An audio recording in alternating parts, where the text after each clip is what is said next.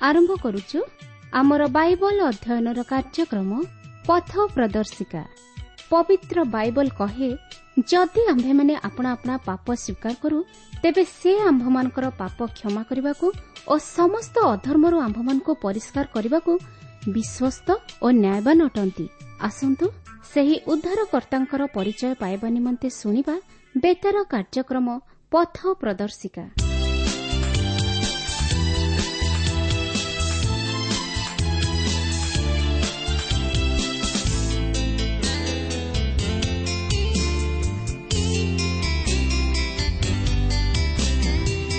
ଜିହୋବାଙ୍କ ସ୍ତୁତି କର ତାଙ୍କ କରୁଣା ଚିରସ୍ଥାୟୀ ପ୍ରଭୁମାନଙ୍କ ପ୍ରଭୁଙ୍କ ସ୍ତୁତି କର ତାଙ୍କ କରୁଣା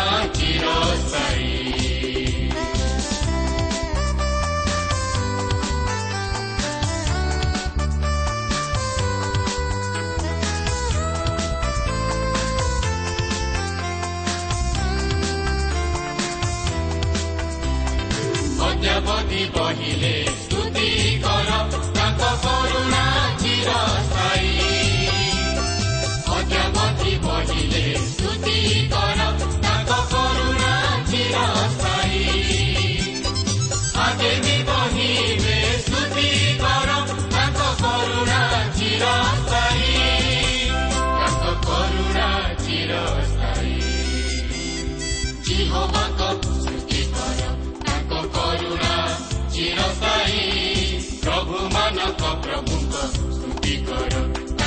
ତାଙ୍କ କରୁଣା ଚିରସ୍ଥାୟୀ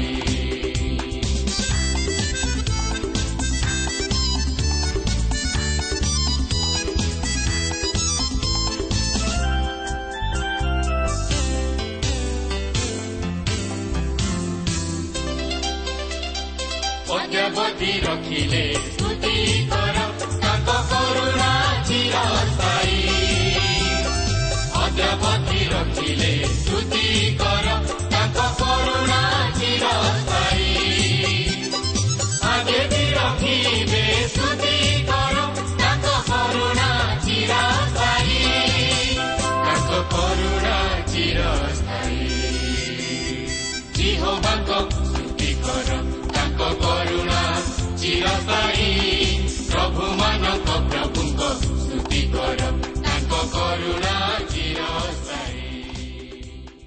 ପ୍ରଭୁଙ୍କ ବନ୍ଧୁ ଆମର ପଥ ପ୍ରଦର୍ଶିକା ବେତାର ଅନୁଷ୍ଠାନ ପକ୍ଷରୁ ଆପଣଙ୍କୁ ହାର୍ଦ୍ଦିକ ଅଭିନନ୍ଦନ ଓ ପ୍ରୀତି ଶୁଭେଚ୍ଛା ଜ୍ଞାପନ କରୁଅଛୁ ପ୍ରଭୁ ଆପଣଙ୍କୁ ଆଶୀର୍ବାଦ କରନ୍ତୁ ଆହୁରି ଆହୁରି ଆତ୍ମିକ ଜୀବନରେ ବର୍ଦ୍ଧିଷ୍ଣୁ କରାନ୍ତୁ।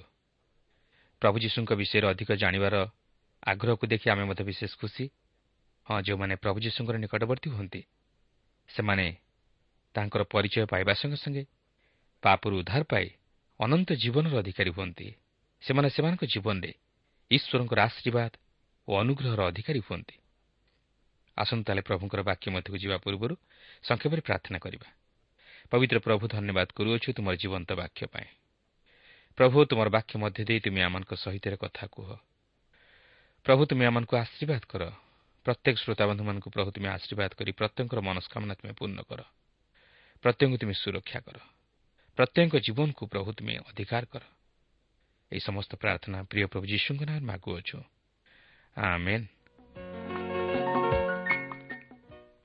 ଆସନ୍ତୁ ବର୍ତ୍ତମାନ ଆମେ ପ୍ରଭୁଙ୍କର ବାକ୍ୟ ମଧ୍ୟକୁ ଯିବା ବର୍ତ୍ତମାନ ଆମେ ଆମର ଚିନ୍ତାଧାରାକୁ ନେଇଯିବା ନୂତନ ନିୟମର ସେହି ପ୍ରେରିତ ପୁସ୍ତକ ମଧ୍ୟକୁ। ଆଜି ଆମେ ପ୍ରେରିତ ପୁସ୍ତକର ଚାରି ପର୍ବର ପାଞ୍ଚ ପଦରୁ ଆରମ୍ଭ କରି ପାଞ୍ଚ ପର୍ବର ଦୁଇ ପଦ ପର୍ଯ୍ୟନ୍ତ ଅଧ୍ୟୟନ କରିବା ନିମନ୍ତେ ଯିବା। ମୋର ଅନୁରୋଧ ଆପଣ ଆପଣଙ୍କ ନିକଟରେ ପବିତ୍ର ବାଇବଲ କିମ୍ବା ନୂତନ ନିୟମ ରଖନ୍ତୁ ଓ ମୋ ସହିତ ଅଧ୍ୟୟନ କରନ୍ତୁ। ଆଉ ଆବଶ୍ୟକ ସ୍ଥଳେ ଗୁରୁତ୍ୱପୂର୍ଣ୍ଣ ବିଷୟଗୁଡ଼ିକ ନିଜର ଖାତାରେ ଲେଖି ରଖନ୍ତୁ। ତେବେ ଆପଣଙ୍କର ମନେଥିବ ଯେ ଗତ ଆଲୋଚନାରେ ଆମେ ପ୍ରେରିତମାନେ କିପରି ପ୍ରଭୁ ଯୀଶୁଙ୍କର ପୁନରୁତ୍ଥାନ ବିଷୟ ନେଇ ପ୍ରଚାର କରିବା ଦ୍ୱାରା ସାଧୁକୀମାନେ ସେମାନଙ୍କୁ ଧରି ମହାସଭା ନିକଟକୁ ଘେନିଗଲେ ଓ ସେମାନେ ସେହି ରାତ୍ରିରେ କାରାଗାର ମଧ୍ୟରେ ରହିଲେ। ତାହା ଲକ୍ଷ୍ୟ କରିଥିଲୁ। ଏହାପରେ ପରଦିନ କ'ଣ ଘଟିଲା ଆସନ୍ତୁ ବର୍ତ୍ତମାନ ଲକ୍ଷ୍ୟ କରିବା। ଚାରିପର୍ବର ପାଞ୍ଚ ଓ ଛଅ ପଦରେ ଲେଖା ଅଛି। ପରଦିନ ଲୋକମାନଙ୍କର ଅଧ୍ୟକ୍ଷ ପ୍ରାଚୀନ ଓ ଶାସ୍ତ୍ରୀମାନେ ଜିରୁସାଲାମରେ ଏକତ୍ରିତ ହେଲେ। ସେଠାରେ ମହାଯାଜକ ହାନାନ୍ କାୟାଫା ଜୋହନ୍ ଆଲେକ୍ଜାଣ୍ଡର ପୁଣି ମହାଯାଜକୀୟ ବଂଶର ସମସ୍ତ ଲୋକ ଉପସ୍ଥିତ ଥିଲେ। ତେବେ ଏହି ଦଳଙ୍କୁ ଆମେ ଏଥିପୂର୍ବରୁ ସାକ୍ଷାତ କରିସାରିଛୁ। ଏମାନେ ଅତି ଚତୁର ଲୋକ। ଏମାନଙ୍କ ମଧ୍ୟରେ ଦୁଇ ଜଣ ପ୍ରଭୁ ଯୀଶୁଖ୍ରୀଷ୍ଟଙ୍କର ମୃତ୍ୟୁ ନିମନ୍ତେ ଦାବି କରିଥିଲେ। ସେହି ଦୁଇ ଜଣ ବ୍ୟକ୍ତି ହେଲେ ହାନାନ୍ ଓ କାୟାଫା। ତେବେ ଏହିସବୁ ଲୋକମାନେ ପ୍ରେରିତମାନଙ୍କର ବିଚାର କରିବାକୁ ଯାଉଅଛନ୍ତି ଯାହାକି ଆମେ ଚାରିପର୍ବର ସାତ ପଦରେ ଉଲ୍ଲେଖ ହୋଇଥିବାର ଲକ୍ଷ୍ୟ କରିବାକୁ ପାରୁ। ଏମାନେ ହେଉଛନ୍ତି ପିତର ଓ ଜୋହନ ଯେଉଁ ଦୁଇ ଜଣ କି ସେହି ମହାସଭା ନିକଟରେ ବିଚାରିତ ହେବାକୁ ଯାଉଅଛନ୍ତି। ଆପଣ ଜାଣିଥିବେ ଯେ ପିତର ସେହି ଖଞ୍ଜକୁ ସୁସ୍ଥ କରି ତାହାକୁ ଚାଲିବାକୁ ଶକ୍ତି ଦେଇଥିଲେ ଓ ଏହାପରେ ଲୋକମାନଙ୍କ ମନରେ ସେହି ଲୋକର ସୁସ୍ଥତା ବିଷୟ ନେଇ ପ୍ରଶ୍ନ ଉଠିବାରୁ ସେ ସେମାନଙ୍କ ନିକଟରେ ପ୍ରଭୁ ଯୀଶୁଙ୍କର ଶକ୍ତିକୁ ପ୍ରକାଶ କରିଥିଲେ ଓ ତାହାଙ୍କର ପୁନରୁତ୍ଥାନ କରିବା ବିଷୟ ନେଇ ପ୍ରଚାର କରିଥିଲେ। କିନ୍ତୁ ବର୍ତ୍ତମାନ ଏହି ମହାସଭାର ସଦସ୍ୟମାନେ ଜାଣିବାକୁ ଚାହାନ୍ତି ଯେ ସେମାନେ ଅର୍ଥାତ୍ ପିତର ଓ ଜୋହନ କାହା ଶକ୍ତିର ଓ କାହା ନାମରେ ଏହି ସମସ୍ତ ବିଷୟ ସାଧନ କରୁଅଛନ୍ତି। ତେବେ ଚାରିପର୍ବର ଆଠ ପଦରୁ ଦଶ ପଦ ମଧ୍ୟରେ ଆମେ ଦେଖୁ ଯେ ପିତର ପବିତ୍ର ଆତ୍ମାରେ ପରିପୂର୍ଣ୍ଣ ହେଲେ। ସେ ଏହି ସମୟରେ ପବିତ୍ର ଆତ୍ମାରେ ବାପ୍ତିଜିତ ହୋଇନଥିଲେ କିନ୍ତୁ ତାହା ଏଥିପୂର୍ବରୁ ଘଟିସାରିଛି କିନ୍ତୁ ସେ ଯାଉନା କାହିଁକି ସେ ବର୍ତ୍ତମାନ ପବିତ୍ର ଆତ୍ମାରେ ପରିପୂର୍ଣ୍ଣ। ଆପଣ ମୁଁ ଆମେ ମଧ୍ୟ ପବିତ୍ର ଆତ୍ମାଙ୍କ ଶକ୍ତିରେ ପରିପୂର୍ଣ୍ଣ ହେବା ଆବଶ୍ୟକ। ଆମେ ଏଥି ନିମନ୍ତେ ଅନ୍ୱେଷୀ ହେବା ଆବଶ୍ୟକ। ଆମେ ପବିତ୍ର ଆତ୍ମାରେ ପରିପୂର୍ଣ୍ଣ ହେବା ନିମନ୍ତେ ପ୍ରାର୍ଥନାର ସହିତ ଅପେକ୍ଷା କରିବା ଆବଶ୍ୟକ। କିନ୍ତୁ ସେହି ପବିତ୍ର ଆତ୍ମାରେ ବାପ୍ତିଜିତ ହେବା ପାଇଁ ନୁହେଁ। କିନ୍ତୁ ସେମାନଙ୍କୁ ସେହି ପେଣ୍ଟିକସ୍ ଦିନ ପର୍ଯ୍ୟନ୍ତ ଅପେକ୍ଷା କରିବାକୁ ଥିଲା ଯେତେବେଳେ କି ସେମାନେ ସମସ୍ତେ ଏକ ଶରୀରରେ ବାପ୍ତିଜିତ ହେଲେ। କିନ୍ତୁ ଆଜି ଯଦି ଆପଣ ପ୍ରଭୁ ଶ୍ରୀକୃଷ୍ଣଙ୍କଠାରେ ବିଶ୍ୱାସ କରନ୍ତି ତାହେଲେ ଆପଣ ପବିତ୍ର ଆତ୍ମାରେ ବାପ୍ତିଜିତ ହେବେ ଓ ଯେଉଁ ମୁହୂର୍ତ୍ତରେ ଆପଣ ସେହି ନୂତନ ଜୀବନର ଅନୁଭୂତି ଲାଭ କରି ବାପ୍ତିଷ୍ମ ଗ୍ରହଣ କରି ଏକ ନୂତନ ଜୀବନରେ ପଦାର୍ପଣ କରିବେ ସେହି ମୁହୂର୍ତ୍ତରେ ଆପଣ ସେହି ବିଶ୍ୱାସୀ ଶରୀରର ବା ମଣ୍ଡଳୀର ଅନ୍ତର୍ଭୁକ୍ତ ହେବେ। ପିତର ଏଠାରେ ଅତି ସାହସର ସହିତ ସେହି ଲୋକମାନଙ୍କୁ ଏପରି କହିବା ଦ୍ୱାରା ଭଲ କଲେ। ପିତର ଏଠାରେ କହିବାକୁ ଚାହାନ୍ତି ଯେ ସେ ପ୍ରଭୁ ଯୀଶୁଙ୍କର ଶକ୍ତିରେ ଓ ନାମରେ ସେହି ଲୋକଟିକୁ ସୁସ୍ଥ କରିଅଛନ୍ତି ଯାହାଙ୍କୁ କି ସେମାନେ କୃଷରେ ବଧ କରିଥିଲେ ଓ ଯାହାଙ୍କୁ ଈଶ୍ୱର ମୃତମାନଙ୍କ ମଧ୍ୟରୁ ଉଠାଇଅଛନ୍ତି ବାସ୍ତବରେ ଏଠାରେ ପିତରଙ୍କର ସାହସକୁ ମାନିବାକୁ ହେବ। ସେ ଆଉ କାହାକୁ ଭୟ କରୁନାହାନ୍ତି। ମାତ୍ର ପବିତ୍ର ଆତ୍ମା ତାହାଙ୍କୁ ଯେପରି କହିବା ନିମନ୍ତେ ଚାଳନା ଦେଉଛନ୍ତି ସେ ସେହିପରି କହୁଅଛନ୍ତି। ଏହାପରେ ଚାରିପର୍ବର ଏଗାର ପଦରେ ପିତର ପ୍ରଭୁ ଯୀଶୁଙ୍କ ବିଷୟ ନେଇ ଦୁଇଟି ବିଷୟ ପ୍ରକାଶ କରନ୍ତି। ପ୍ରଥମ ବିଷୟଟି ହେଉଛି ସେ କୃଷାର୍ପିତ ହେଲେ ଓ ମୃତ୍ୟୁରୁ ପୁନରୁଦ୍ଧିତ ହେଲେ ଅନ୍ୟଟି ହେଉଛି ପ୍ରଭୁ ଶ୍ରୀଖ୍ରୀଷ୍ଟ ହେଉଛନ୍ତି ପ୍ରସ୍ତର ଯୀଶୁ କହିଥିଲେ ଏହି ପଥର ଉପରେ ମୁଁ ଆପଣାର ମଣ୍ଡଳୀ ତୋଳିବି ତେବେ ସେହି ପଥର କିଏ ସେହି ପଥର ହେଉଛନ୍ତି ଖ୍ରୀଷ୍ଟ ବର୍ତ୍ତମାନ ପିତର କହନ୍ତି ସେ ସେହି ପ୍ରସ୍ତର ସେହି ପ୍ରସ୍ତର କ'ଣ ଏହା କ'ଣ ମଣ୍ଡଳୀ ନା ସିମନ ପିତର ନୁହେଁ ସେହି ପ୍ରସ୍ତର ନାଜରିତୀୟ ପ୍ରଭୁ ଶ୍ରୀଖ୍ରୀଷ୍ଟ ସେ ସେହି କୋଣର ପ୍ରଧାନ ପ୍ରସ୍ତର। ଏହା ତାହାଙ୍କର ସେହି ପୁନରୁତ୍ଥାନରେ ସଫଳ ହେଲା। ଲକ୍ଷ୍ୟ କରନ୍ତୁ ସୁଷମାଚାର ପ୍ରଚାରର କେନ୍ଦ୍ରସ୍ଥଳରେ ଏହି ପୁନରୁତ୍ଥାନ ସ୍ଥାନ ପାଇଥିଲା। କାରଣ ପ୍ରଭୁ ଯୀଶୁ ଯଦି ପୁନରୁତ୍ଥିତ ହୋଇନଥାନ୍ତେ ତାହେଲେ ସୁଷମାଚାରର ସତ୍ୟତା ପ୍ରମାଣିତ ହୋଇପାରିନଥାନ୍ତା। ପିତରଠାରେ କହିବାକୁ ଚାହାନ୍ତି ଆପଣମାନେ ଯେଉଁ ପ୍ରସ୍ତରକୁ ଅଗ୍ରାହ୍ୟ କରୁଥିଲେ ତାହା କୋଣର ପ୍ରଧାନ ପ୍ରସ୍ତର ହେଲା। ବାସ୍ତବରେ ପ୍ରଭୁ ଯୀଶୁଖ୍ରୀଷ୍ଟ ଖ୍ରୀଷ୍ଟୀୟ ମଣ୍ଡଳୀର ଭିତ୍ତିମୂଳ। ଆମମାନଙ୍କ ଆତ୍ମିକ ଜୀବନର ମୂଳଦୁଆ ସ୍ୱରୂପ ଯାହାଙ୍କ ଉପରେ ଆମେ ଆମର ଆତ୍ମିକ ଗୃହ ନିର୍ମାଣ କରିପାରିବା। ଏହାପରେ ଚାରି ପର୍ବର ବାର ପଦରେ ଏହିପରି ଲେଖା ଅଛି ତାଙ୍କ ଛଡ଼ା ଆଉ କାହାଠାରେ ପରିତାଣ ନାହିଁ? କାରଣ ଯାହାଦ୍ୱାରା ଆମମାନଙ୍କୁ ପରିତାଣ ପାଇବାକୁ ହେବ ଆକାଶ ତଳେ ମନୁଷ୍ୟମାନଙ୍କ ମଧ୍ୟରେ ଆଉ କୌଣସି ନାମ ଦିଆଯାଇ ନାହିଁ ଏହି ପଦଟି ଅତି ମୂଲ୍ୟବାନ ପଦ। ପାପରୁ ଉଦ୍ଧାର ପାଇବା ନେଇ ଯଦି କିଛି ପ୍ରଶ୍ନ ଥାଏ ତାହେଲେ ଏହି ପଦଟି ହେଉଛି ତହିଁର ଉତ୍ତର। ପ୍ରଭୁ ଯୀଶୁଙ୍କ ନାମରେ ହିଁ ଶକ୍ତି ଅଛି ଓ ପରିତ୍ରାଣ ଅଛି। ପିତର ଏଠାରେ କହିବାକୁ ଚାହାନ୍ତି ତାହାଙ୍କ ନାମରେ ଶକ୍ତି ଅଛି ଓ ତାହାଙ୍କ ନାମରେ ମଧ୍ୟ ଉଦ୍ଧାର ଅଛି। ଆମେ ଯଦି ଟିକେ ପଛକୁ ଫେରିଯିବା ତାହେଲେ ସେହି ମାଥ୍ୟୁ ସୁଷମାଚାରର ପ୍ରଥମ ପର୍ବରେ ଏକୋଇଶ ପଦରେ ଏହିପରି ଉଲ୍ଲେଖ ହୋଇଥିବାର ଲକ୍ଷ୍ୟ କରିବାକୁ ପାରିବା। ସେ ପୁତ୍ର ପ୍ରସବ କରିବେ ଆଉ ତୁମେ ତାହାଙ୍କ ନାମ ଯୀଶୁ ଦେବ କାରଣ ସେ ଆପଣା ଲୋକଙ୍କୁ ସେମାନଙ୍କର ସମସ୍ତ ପାପରୁ ପରିତାଣ କରିବେ। ସେ ହେଉଛନ୍ତି ଏକମାତ୍ର ଉଦ୍ଧାରକର୍ତ୍ତା ଈଶ୍ୱର। ତାହା ହିଁ ତାହାଙ୍କର ନାମ ଆରମ୍ଭରୁ ଥିଲା ପ୍ରିୟ ବନ୍ଧୁ ସ୍ୱର୍ଗ ତଳେ ଆଉ ଏପରି କୌଣସି ନାମ ନାହିଁ ଯାହାକି ଆପଣଙ୍କୁ ଉଦ୍ଧାର କରିପାରେ।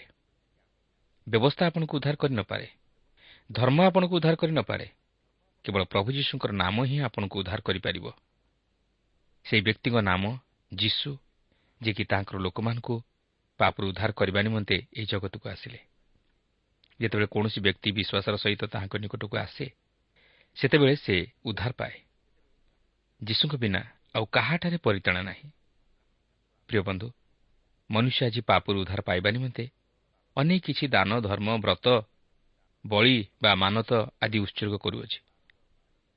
କିନ୍ତୁ ତାର କ'ଣ ପାପକ୍ଷମା ହୋଇଯାଉଛି? ସେ କ'ଣ ଜୀବନରେ ଶାନ୍ତି ପାଇପାରୁଛି? ନୁହେଁ। ଏହା କେବଳ ନିଜର ମନକୁ ବୁଝେଇବା ପାଇଁ। ମନୁଷ୍ୟ ଯଦି ନିଜେ ନିଜ ପାପରୁ ନିଜକୁ ଉଦ୍ଧାର କରିପାରେ ନାହିଁ ତାହେଲେ ତାହାକୁ କିଏ ଉଦ୍ଧାର କରିପାରିବ?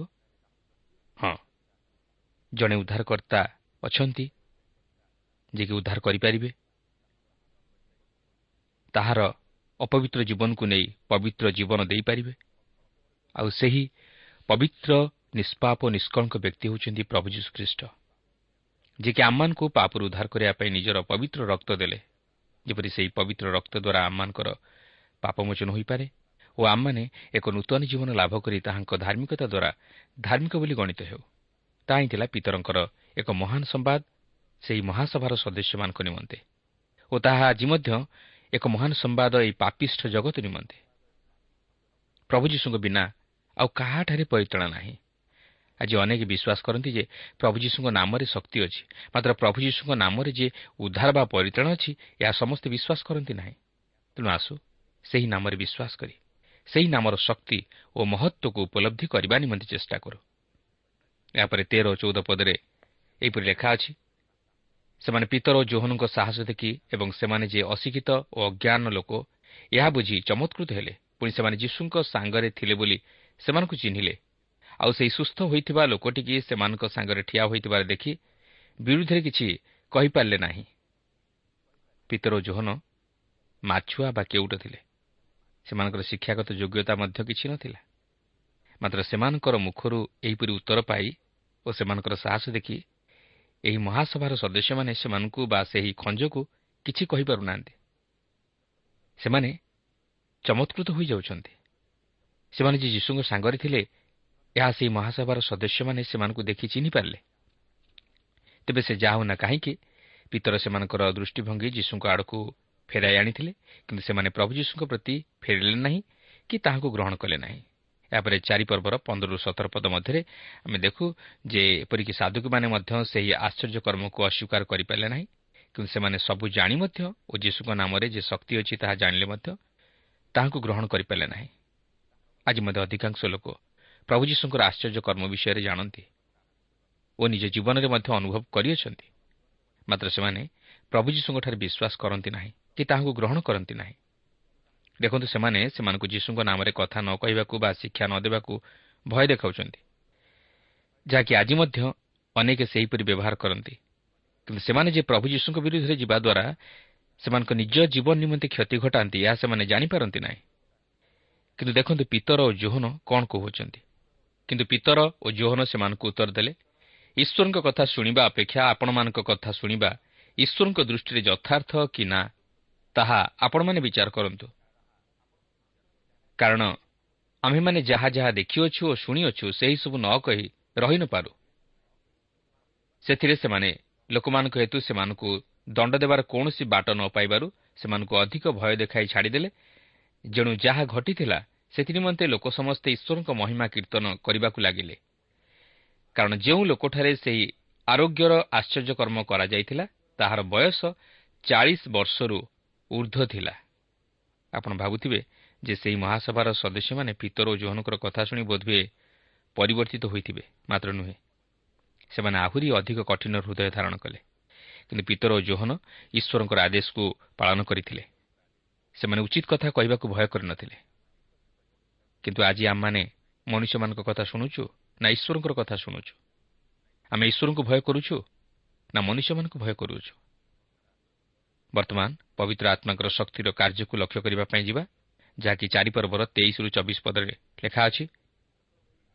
ସେମାନେ ମୁକ୍ତ ହୋଇ ଆପଣା ସଙ୍ଗୀମାନଙ୍କ ନିକଟକୁ ଗଲେ ଏବଂ ପ୍ରଧାନ ଯାଜକ ଓ ପ୍ରାଚୀନମାନେ ସେମାନଙ୍କୁ ଯାହା ଯାହା କହିଥିଲେ ସେହିସବୁ ଜଣାଇଲେ। ସେମାନେ ତାହା ଶୁଣି ଏକଚିତ୍ତରେ ଈଶ୍ୱରଙ୍କ ନିକଟରେ ଉଚ୍ଚସ୍ୱରରେ ପ୍ରାର୍ଥନା କରି କହିଲେ ହେ ପ୍ରଭୁ ତୁମେ ଆକାଶ ପୃଥିବୀ ସମୁଦ୍ର ଏବଂ ସେସବୁ ମଧ୍ୟରେ ଥିବା ସମସ୍ତ ବିଷୟ ସୃଷ୍ଟି କରିଅଛ ପିତର ଓ ଜୋହନ କାରାଗାରରୁ ମୁକ୍ତ ହୋଇ ମଣ୍ଡଳୀ ମଧ୍ୟକୁ ଯାଇଛନ୍ତି ଓ ସେହି ସମସ୍ତ ଘଟଣା ସେମାନଙ୍କ ନିକଟରେ ପ୍ରକାଶ କରିଛନ୍ତି। କିନ୍ତୁ ଏଠାରେ ଆମେ ସେହି ଆଦ୍ୟ ଖ୍ରୀଷ୍ଟୀୟ ମଣ୍ଡଳୀର ଏକ ପ୍ରାର୍ଥନାଶୀଳ ଜୀବନ ଦେଖିବାକୁ ପାରୁଛୁ। ସେମାନେ ଏହିସବୁ ଶୁଣି ହତାଶ ବା ନିରାଶ ହେଉନାହାନ୍ତି। ମାତ୍ର ଈଶ୍ୱରଙ୍କର ପ୍ରଶଂସା କରି ଈଶ୍ୱରଙ୍କୁ ଗୌରବ ଦେଉଅଛନ୍ତି ଈଶ୍ୱର ଯେ ଆକାଶ ପୃଥିବୀ ସମୁଦ୍ର ଏବଂ ସେସବୁ ମଧ୍ୟରେ ଥିବା ସମସ୍ତ ବିଷୟର ସୃଷ୍ଟି କରିଅଛନ୍ତି ଏହା ସେମାନେ ସ୍ୱୀକାର କରନ୍ତି ସେମାନେ ମଧ୍ୟ ପ୍ରଭୁ ଯୀଶୁଙ୍କୁ ଈଶ୍ୱର ବୋଲି ସ୍ୱୀକାର କରନ୍ତି କାରଣ ସେମାନେ ନିଶ୍ଚିତ ଭାବେ ଜାଣିଥିଲେ ଯେ ପ୍ରଭୁ ଯୀଶୁ ହେଉଛନ୍ତି ଈଶ୍ୱର ତେଣୁକରି ସେମାନେ ଗୀତ ସଂହିତା ଦୁଇ ପର୍ବକୁ ସ୍ମରଣ କରି ଏହିପରି ପ୍ରକାଶ କରନ୍ତି ଯାହାକି ଚାରି ପର୍ବର ପଚିଶରୁ ଛବିଶ ପଦ ମଧ୍ୟରେ ଲେଖା ଅଛି ତେବେ ଗୀତ ସଂହିତା ଦୁଇ ପର୍ବର ଆରମ୍ଭ ଅଂଶଟିର ସଫଳତା ପ୍ରଭୁ ଯୀଶୁଖ୍ରୀଷ୍ଟଙ୍କର କୃଷାର୍ପିତ ଘଟଣାରେ ସଫଳ ହୋଇଥିଲା। କିନ୍ତୁ ମନୁଷ୍ୟ ଆଜି ମଧ୍ୟ ସେହିପରି ଈଶ୍ୱରଙ୍କର ବିରୁଦ୍ଧରେ ଯାଉଛି କିନ୍ତୁ ଏହା ଶେଷରେ କେବଳ ଈଶ୍ୱରଙ୍କ ବିଚାର ଦ୍ୱାରା ହିଁ ସମାପ୍ତ ହେବ। ଏହାପରେ ସତେଇଶରୁ ତିରିଶ ପଦରେ ଆମେ ଦେଖୁ ଯେ ଏହା ଏକ ମହାନ ପ୍ରାର୍ଥନା ଓ ପ୍ରଶଂସାର ବିଷୟ ଯାହାକି ଆଦ୍ୟ ମଣ୍ଡଳୀରେ ସ୍ଥାନ ପାଇଥିଲା। ସେମାନେ ସମସ୍ତେ ଏକତ୍ରିତ ହୋଇ ବା ସମବେତ ହୋଇ ଏକ ମନରେ ପ୍ରାର୍ଥନା କରୁଥିଲେ। କିନ୍ତୁ ଲକ୍ଷ୍ୟ କରନ୍ତୁ ସେହି ତାଡ଼ନା ବନ୍ଦ ହେବା ନିମନ୍ତେ ସେମାନେ ପ୍ରାର୍ଥନା କରୁନଥିଲେ ମାତ୍ର ସେମାନେ ତାହା ଯେପରି ସହ୍ୟ କରିପାରନ୍ତି ଏଥିନିମନ୍ତେ ସାହସ ଭିକ୍ଷା କରୁଥିଲେ। ସେମାନେ ଶକ୍ତି ଭିକ୍ଷା କଲେ ଓ ସାହସର ସହିତ ପ୍ରଚାର କରିବା ପାଇଁ ଶକ୍ତି ମାଗିଲେ। ପ୍ରକୃତରେ ସେହି ଆଦ୍ୟ ମଣ୍ଡଳୀ ବର୍ତ୍ତମାନର ଖ୍ରୀଷ୍ଟୀୟ ମଣ୍ଡଳୀ ଅପେକ୍ଷା ଯଥେଷ୍ଟ ଉଚ୍ଚରେ ଥିଲା ଓ ଆତ୍ମିକ ଜୀବନରେ ମଧ୍ୟ ଅତି ଶକ୍ତିଯୁକ୍ତ ଥିଲା। ଲକ୍ଷ୍ୟ କରନ୍ତୁ ସେହି ଆଦ୍ୟ ମଣ୍ଡଳୀର ଶକ୍ତି କିପରି ଥିଲା। ଏକତିରିଶ ପଦରେ ଲେଖା ଅଛି ସେମାନେ ପ୍ରାର୍ଥନା କଲା ଯେଉଁ ସ୍ଥାନରେ ଏକତ୍ର ହୋଇଥିଲେ ତାହା କମ୍ପି ଉଠିଲା। ପୁଣି ସମସ୍ତେ ପବିତ୍ର ଆତ୍ମାରେ ପରିପୂର୍ଣ୍ଣ ହୋଇ ସାହସରେ ଈଶ୍ୱରଙ୍କ ବାକ୍ୟ କହିବାକୁ ଲାଗିଲେ। ଏଥିରୁ ଆପଣ ଆଦ୍ୟମଣ୍ଡଳୀର ଶକ୍ତିର କାର୍ଯ୍ୟକୁ ଅନୁମାନ କରିପାରୁଥିବେ। ଏଥିରୁ ସେହି ଆଦ୍ୟମଣ୍ଡଳୀର ଆତ୍ମିକ ଅବସ୍ଥା କିପରି ଥିଲା ତାହା ଜଣାପଡ଼େ। ଏହାପରେ ବତିଶ ପଦରେ ଲେଖା ଅଛି ବିଶ୍ୱାସକାରୀ ଲୋକସମୂହ ଏକଚିତ୍ତ ଓ ଏକ ପ୍ରାଣ ଥିଲେ। ସେମାନଙ୍କ ମଧ୍ୟରୁ କେହି ହେଲେ ଆପଣା ସମ୍ପତ୍ତି ମଧ୍ୟରୁ କିଛି ନିଜର ବୋଲି କହୁନଥିଲେ। କିନ୍ତୁ ସେମାନଙ୍କର ସମସ୍ତ ବିଷୟ ସାଧାରଣ ଥିଲା। ଏହା ଅତି ସୁନ୍ଦର ବିଷୟ ଥିଲା। ଏଥିରୁ ସେମାନଙ୍କ ମଧ୍ୟରେ କିଭଳି ଏକତା ସହଭାଗିତାର ଜୀବନ ଥିଲା ତାହା ଜଣାଯାଏ। କିନ୍ତୁ ଏହା ବେଶୀ ଦିନ ତିଷ୍ଠି ରହିପାରିଲା ନାହିଁ। ମଣ୍ଡଳୀ ମଧ୍ୟରେ ଜାଗତିକତାର ମନୋଭାବ ପ୍ରବେଶ କଲା। ଆତ୍ମିକତା ରହିଲା ନାହିଁ। ଧନଲୋଭ ସ୍ଥାନ ପାଇଲା। ସ୍ୱାର୍ଥପର ମନୋଭାବ ପ୍ରବେଶ କଲା। ଫଳତଃ ମଣ୍ଡଳୀର ଆତ୍ମିକ ଅଭିବୃଦ୍ଧି ବାଧାପ୍ରାପ୍ତ ହେଲା। କିନ୍ତୁ ତଥାପି ଏହି ସମସ୍ତ ସତ୍ତ୍ୱେ ମଧ୍ୟ ପବିତ୍ର ଆତ୍ମାଙ୍କର ଶକ୍ତିର କାର୍ଯ୍ୟ ସାଧିତ ହେବାକୁ ଲାଗିଲା। ଏହାପରେ ଚାରିପର୍ବର ତେତିଶ ପଦରେ ଏହିପରି ଲେଖା ଅଛି ପ୍ରେରିତମାନେ ମହାଶକ୍ତି ସହିତ ପ୍ରଭୁ ଯୀଶୁଙ୍କ ପୁନରୁତ୍ଥାନ ବିଷୟରେ ସାକ୍ଷ୍ୟ ଦେବାକୁ ଲାଗିଲେ ପୁଣି ସମସ୍ତଙ୍କ ଉପରେ ମହା ଅନୁଗ୍ରହ ଥିଲା। ଦେଖନ୍ତୁ ପ୍ରେରିତମାନଙ୍କର ପ୍ରଚାରର ମୁଖ୍ୟ ବିଷୟ ଥିଲା ପ୍ରଭୁ ଯୀଶୁଙ୍କର ପୁନରୁତ୍ଥାନ। ତାହା ହେଉଛି ସୁଷମାଚାରର ମୂଳ ପ୍ରସଙ୍ଗ। କିନ୍ତୁ ଏହି ପୁନରୁତ୍ଥାନ ଉପରେ ଆମେ କ'ଣ ବିଶ୍ୱାସ କରୁ କି? ପ୍ରଭୁ ଯୀଶୁ ଯେ ମୃତ୍ୟୁକୁ ଜୟ କରି ଉଠିଲେ ଏହା କ'ଣ ଆମେ ବିଶ୍ୱାସ କରୁ କି? ଯଦି ଆମେ ତାଙ୍କର ପୁନରୁତ୍ଥାନରେ ବିଶ୍ୱାସ ନ କରୁ ତାହେଲେ ଆମେ ଏହି କାର୍ଯ୍ୟକ୍ରମ ଶୁଣିବା ମଧ୍ୟ ବୃଥା। ଏହାର ଅର୍ଥ ଆମେ ସୁଷମାଚାରର ସତ୍ୟତାକୁ ଗ୍ରହଣ କରୁନା। ଏହି ପୁନରୁତ୍ଥାନ ଖ୍ରୀଷ୍ଟ ବିଶ୍ୱାସୀମାନଙ୍କ ନିମନ୍ତେ ଏକ ଭରସା। କାରଣ ପ୍ରଭୁ ଯୀଶୁ ଯେତେବେଳେ ଏହି ଜଗତକୁ ଆଗମନ କରିବେ ସେତେବେଳେ ଯେଉଁମାନେ ଖ୍ରୀଷ୍ଟ ଯୀଶୁଙ୍କଠାରେ ଥାଇ ମରିଛନ୍ତି ସେମାନେ ମୃତ୍ୟୁରୁ ଉଠିବେ ଓ ସେମାନେ ଖ୍ରୀଷ୍ଟଙ୍କ ସହିତ ମିଳିତ ହେବା ନିମନ୍ତେ ମେଘମାଳାରେ ଶୂନ୍ୟମଣ୍ଡଳକୁ ନୀତ ହେବେ। କାରଣ ସେ ଯେପରି ମୃତ୍ୟୁରୁ ପୁନରୁତ୍ଥିତ ହେଲେ ସେହିପରି ତାଙ୍କଠାରେ ବିଶ୍ୱାସ କରୁଥିବା ବିଶ୍ୱାସୀମାନେ ମଧ୍ୟ ମୃତ୍ୟୁରୁ ପୁନରୁତ୍ଥିତ ହେବେ। ତାଙ୍କ ପୁନରୁତ୍ଥାନ ଖ୍ରୀଷ୍ଟ ବିଶ୍ୱାସୀଙ୍କ ନିମନ୍ତେ ଧାର୍ମିକତା ସ୍ୱରୂପ। କାରଣ ସେ ଆମମାନଙ୍କ ପାପ ନିମନ୍ତେ ମୃତ୍ୟୁବରଣ କରି ମୃତ୍ୟୁରୁ ପୁନରୁତ୍ଥିତ ହେବା ଦ୍ୱାରା ଆମମାନଙ୍କ ନିମନ୍ତେ ଧାର୍ମିକତା ସାଧନ କରିଅଛନ୍ତି। କାରଣ ମୃତ୍ୟୁର ନାଉଢ଼ ପାପ ତେଣୁ ସେ ମୃତ୍ୟୁକୁ ଜୟ କରିବା ଦ୍ୱାରା ପାପକୁ ବିନାଶ କରି ଧାର୍ମିକତା ସାଧନ କଲେ। ତେଣୁ ତାହାଙ୍କଠାରେ ବିଶ୍ୱାସ କରିବା ଦ୍ୱାରା ଆମମାନେ କେବଳ ପାପରୁ ଉଦ୍ଧାର ପାଇନଥାଉ ମାତ୍ର ମୃତ୍ୟୁକୁ ଅତିକ୍ରମ କରି ଜୀବନରେ ପ୍ରବେଶ କରିଥାଉ ଓ ତାହାଙ୍କ ଧାର୍ମିକତା ଦ୍ୱାରା ଧାର୍ମିକ ବୋଲି ଗଣିତ ହୋଇଥାଉ। ଏହାପରେ ଚଉତିରିଶରୁ ସଇଁତିରିଶ ପଦ ମଧ୍ୟରେ ଏହିପରି ଲେଖା ଅଛି ଯେଣୁ ସେମାନଙ୍କ ମଧ୍ୟରେ କାହାରି କୌଣସି ଅଭାବ ନଥିଲା କାରଣ ଯେତେ ଲୋକଙ୍କର ଭୂମି ବା ଗୃହ ଥିଲା ସେମାନେ ତାହା ବିକ୍ରୟ କରି ବିକ୍ରିତ ସମ୍ପତ୍ତିର ମୂଲ୍ୟ ଆଣି ପ୍ରେରିତମାନଙ୍କର ପାଦ ତଳେ ଥୋଇଥିଲେ। ଆଉ ପ୍ରତ୍ୟେକ ଜଣକୁ ତାର ଅଭାବ ଅନୁସାରେ ବିତରଣ କରାଯାଉଥିଲା। ପୁଣି ଜୋସେଫ୍ ଯେ ଲେବି ବଂଶଜାତ ଜଣେ କୁପ୍ରିୟ ଜାତିର ଲୋକ ଯାହାଙ୍କୁ ପ୍ରେରିତମାନେ ବର୍ଣ୍ଣବା ବୋଲି ଉପନାମ ଦେଇଥିଲେ ଅନୁବାଦ କଲେ ଏହାର ଅର୍ଥ ସାନ୍ତ୍ୱନାର ପୁତ୍ର ତାଙ୍କର ଖଣ୍ଡେ କ୍ଷେତ୍ର ଥିଲା। ସେ ତାହା ବିକ୍ରୟ କରି ସେଥିର ଟଙ୍କା ଆଣି ପ୍ରେରିତମାନଙ୍କର ପାଦ ତଳେ ଥୋଇଲେ। ତେବେ ମୁଁ ଏତିକି କହିପାରେ ଯେ ଏହି ପ୍ରକାର ଜୀବନ ଧାରଣ ଆଦ୍ୟ ମଣ୍ଡଳୀର ଆତ୍ମିକ ଜୀବନର ସ୍ଥିତି ହେତୁ କିଛି ଦିନ ନିମନ୍ତେ ସମ୍ଭବପର ହୋଇଥିଲା। ମାତ୍ର ଏହା ଦୀର୍ଘ ଦିନ ଧରି କାର୍ଯ୍ୟକାରୀ ହୋଇନଥିଲା। କିନ୍ତୁ ବର୍ତ୍ତମାନ ଆମେ ସେହିପରି ଆଦ୍ୟମଣ୍ଡଳୀର କାର୍ଯ୍ୟକଳାପକୁ ଅନୁକରଣ କରିବା ସମ୍ଭବ ନୁହେଁ। ସେ ଆଦ୍ୟମଣ୍ଡଳୀର ଆତ୍ମିକ ଜୀବନର ମାନ ଅତି ଉଚ୍ଚରେ ଥିଲା। ତଥାପି ମଧ୍ୟ ତାହା ଦୀର୍ଘ ଦିନ ଧରି ତିଷ୍ଠି ରହିନଥିଲା। ତେଣୁ ବର୍ତ୍ତମାନର ଖ୍ରୀଷ୍ଟୀୟ ମଣ୍ଡଳୀ ପକ୍ଷେ ସେପରି ଜୀବନଯାପନ ସମ୍ଭବ ନୁହେଁ। ମାତ୍ର ଆମମାନଙ୍କ ଜୀବନରେ ସାଧୁତା ଓ ବିଶ୍ୱସ୍ତତା ପରିଲକ୍ଷିତ ହେବା ଉଚିତ। ଓ ଆମମାନେ ପ୍ରଭୁ ଯୀଶୁଖ୍ରୀଷ୍ଟଙ୍କ ସହ ଏକ ଘନିଷ୍ଠ ସମ୍ପର୍କ ସ୍ଥାପନ କରିବା ଉଚିତ ଓ ଖ୍ରୀଷ୍ଟଙ୍କୁ ସର୍ବଶ୍ରେଷ୍ଠ ସ୍ଥାନ ଦେଇ ତାହାଙ୍କ ନିମନ୍ତେ ସାକ୍ଷୀ ହେବା ଉଚିତ। ବାକ୍ୟ ପ୍ରଚାର ଓ ଶିକ୍ଷାଦାନକୁ ମୁଖ୍ୟ ସ୍ଥାନ ଦେବା ଉଚିତ ଓ ପ୍ରାର୍ଥନାଶୀଳ ଜୀବନ ବିତାଇବା ଉଚିତ। ତାହେଲେ ବର୍ତ୍ତମାନର ଖ୍ରୀଷ୍ଟୀୟ ମଣ୍ଡଳୀ ଆତ୍ମିକ ଜୀବନରେ ବଳିଷ୍ଠ ହୋଇପାରିବ ଓ ମଣ୍ଡଳୀର ଅଭିବୃଦ୍ଧି ଘଟିପାରିବ। ଏଠାରେ ଆମେ ବର୍ଣ୍ଣବାଙ୍କ ବିଷୟରେ ମଧ୍ୟ ଲକ୍ଷ୍ୟ କରୁ ଯେ ସେ ଏକ ଆଦର୍ଶ ହୋଇପାରିଥିଲେ। ମୁଁ ଭାବୁଛି ବୋଧହୁଏ ସେ ହେଉଛନ୍ତି ପ୍ରଥମ ବ୍ୟକ୍ତି ଯିଏକି ନିଜର ଖଣ୍ଡେ କ୍ଷେତ୍ର ବିକ୍ରୟ କରି ସେଥିରେ ଟଙ୍କା ଆଣି ପ୍ରେରିତମାନଙ୍କର ପାଦ ତଳେ ଥୋଇଲେ। କାରଣ ତାହାଙ୍କର ନାମ ପ୍ରଥମରେ ଉଲ୍ଲେଖ ହୋଇଅଛି। ହଁ ଆମେ ପ୍ରଭୁଙ୍କ ନିମନ୍ତେ ଆଦ୍ୟ ମଣ୍ଡଳୀ ପରି ସାହାଯ୍ୟ କରିନପାରୁ ମାତ୍ର ଅନ୍ତତଃ ପକ୍ଷେ ଆମେ ଯଦି କିଛି ପ୍ରଭୁଙ୍କ କାର୍ଯ୍ୟ ନିମନ୍ତେ ଦାନ ଦେବା ତାହେଲେ ତାହା ପ୍ରଭୁଙ୍କର ଗୌରବ ନିମନ୍ତେ ବ୍ୟବହୃତ ହୋଇପାରିବ। ମାତ୍ର ପ୍ରଭୁ ଆମମାନଙ୍କର ଦାନଠାରୁ ଆମମାନଙ୍କର ହୃଦୟ ଚାହାନ୍ତି।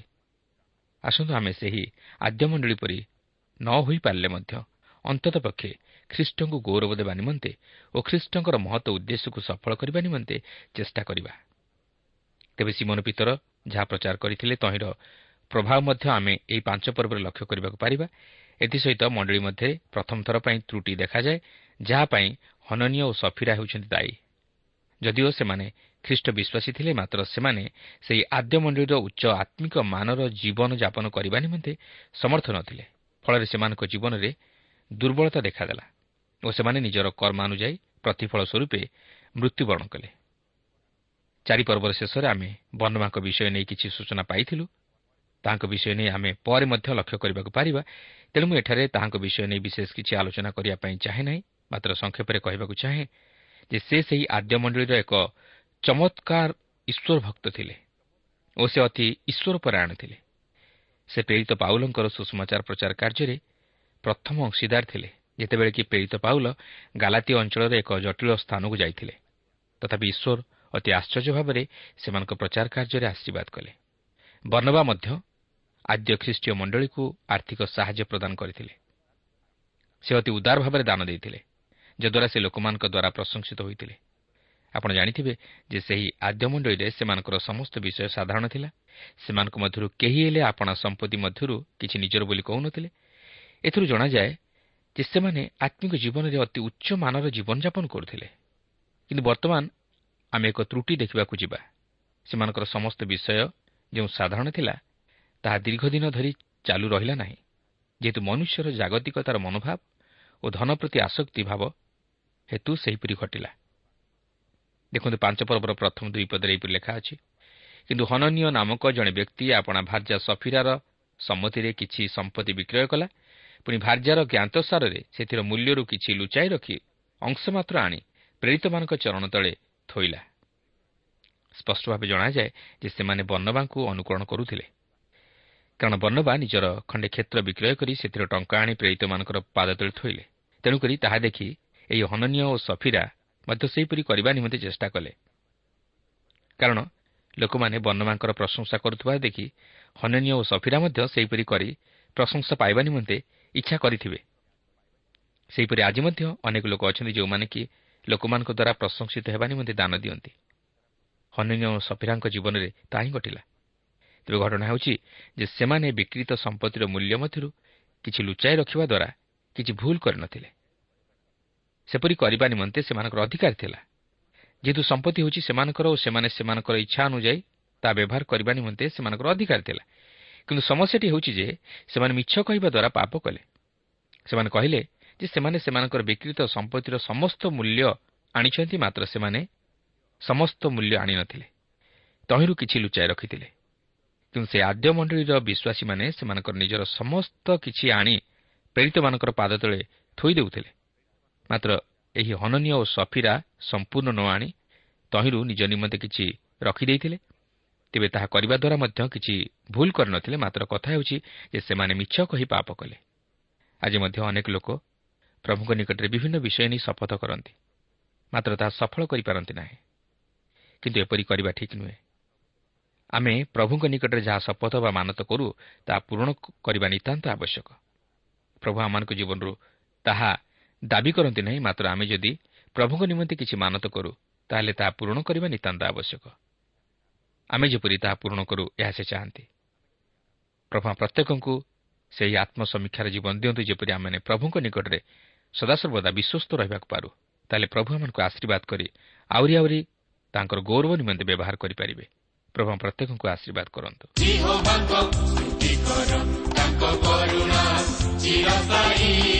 ପ୍ରଭୁମାନଙ୍କ ପ୍ରଭୁଙ୍କ ସ୍ତୁତି କର ତାଙ୍କ କରୁଣା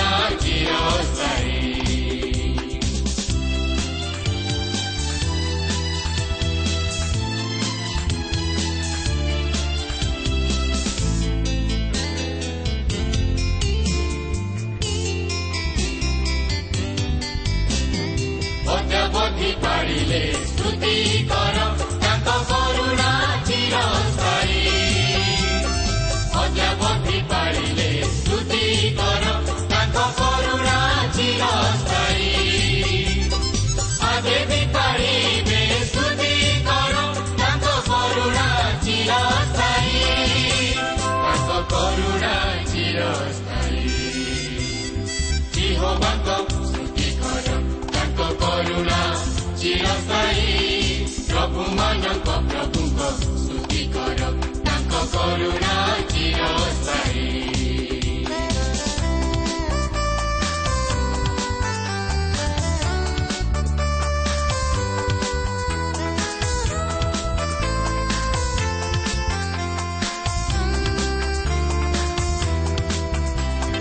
ବିଶ୍ୱାସ କଲେ ସେ ସାହା ହେବେ ତାଙ୍କ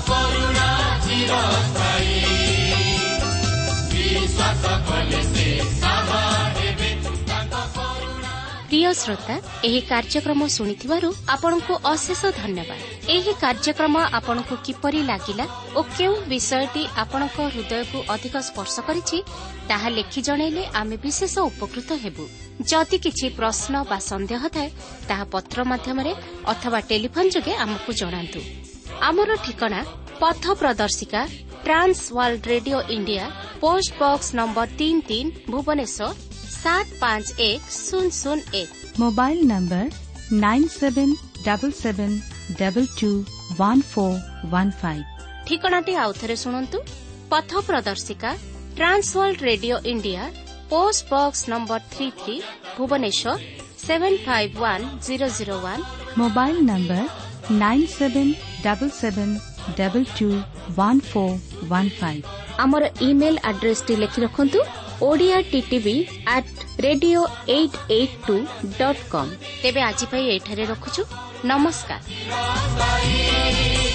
ତାଙ୍କ କରୁଣା ଚିରସ୍ଥାୟୀ ଜିହୋବାଙ୍କ ସ୍ତୁତି କର ତାଙ୍କ କରୁଣା ଚିରସ୍ଥାୟୀ ପ୍ରଭୁମାନଙ୍କ ପ୍ରଭୁଙ୍କ ସ୍ତୁତି କର ତାଙ୍କ କରୁଣା ଚିରସ୍ଥାୟୀ।